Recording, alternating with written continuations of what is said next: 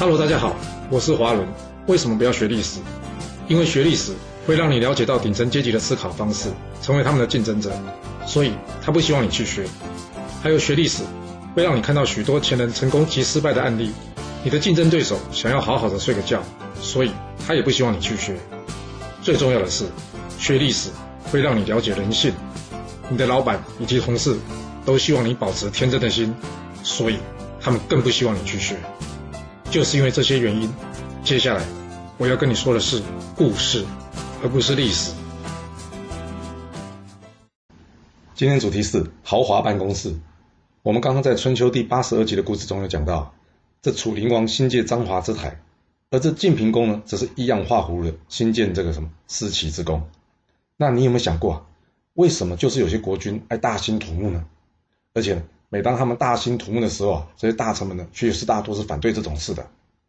就现在来说吧，政府发包工程，民间就有事做，这不是一种增加 GDP 的好事吗？那为什么现代行，古代不行呢？诶，不过好像也不对吼，因为常常听到有人批评政府浪费公帑去盖蚊子馆。那这大兴土木去搞建设或者公共建设，这到底是对还是不对啊？你可以先想一想哦。先讲一般我们常常听到的理由吧。那就是啊，在历史故事中，我们常常听到大臣们反对的理由是什么？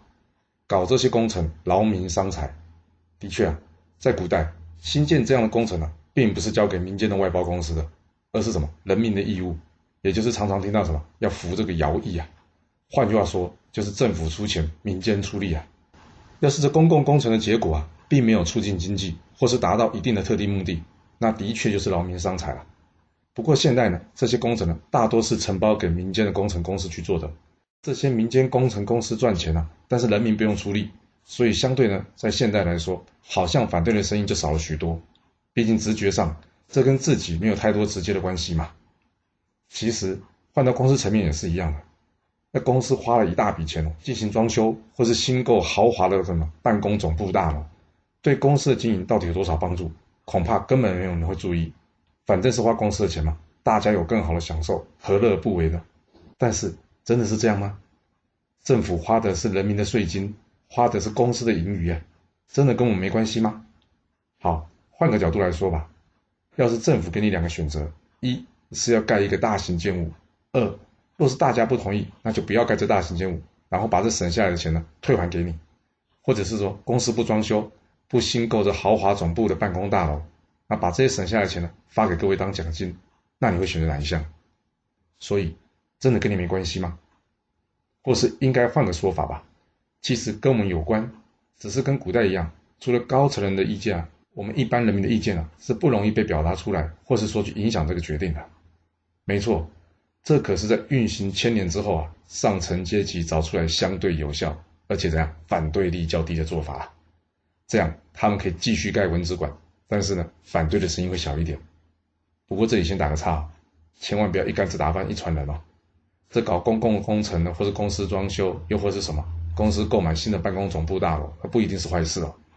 许多公共工程是有必要的，而装修或者新购办公室也不一定是坏事。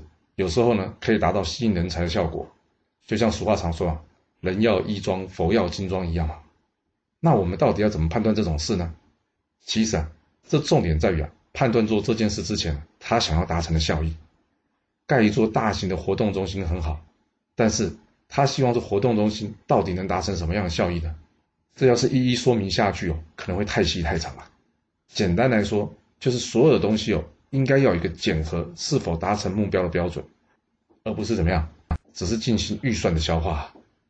不过既然前面都说了，遇到这种事，我们的意见不容易被表达出来，或是影响这个决定。那我们干嘛还花那么多时间来说这个事呢？当然要花时间啦。我记得巴菲特曾经说过啊，要是他看到一个公司没有理由去新购豪华公司总部啊，他就知道是时候要卖掉这公司的股票了。没有错，见微知著啊。一个国家或是一个公司不去评估效益，猛去盖文字馆或是乱花钱，除了可能存在底下的利益输送问题之外啊，最重要的是这显示出领导人的心态。一个优秀的领导人啊。改善人民的生活，增加公司的利润啊，让大家赚得满盆满钵了，大概不用特别跟你说什么，你也能感觉得到。但是要是他的作为呢，没有办法达成这些效果，那搞个标志性的建筑呢，来彰显自己的功绩，就变得非常重要了。也就是换个角度来看吧，就是呢，他在改善大家生活或者增加公司获利这方面呢，没有招了。那你是不是应该也要为自己后路多留心、多准备一下？或是这样的政治人物，你真的还要继续支持他吗？他不是没拿薪水的义工哦。由于历史故事中啊，大多只呈现了结果，而没有讨论背后的原因，所以。若是下次你再听到一段历史或是故事，你觉得当中有不合逻辑的地方啊，你可以试着去了解它背后的原因，这样就能培养出独立思考的能力了。另外还要一提的就是啊，心理真的是会影响身体的。你看这集故事中啊，这音乐可以引出来的风险啊，还有这郑国的资产啊，他随便忽然编了个故事，就可以让金敏公的身体稍微好点。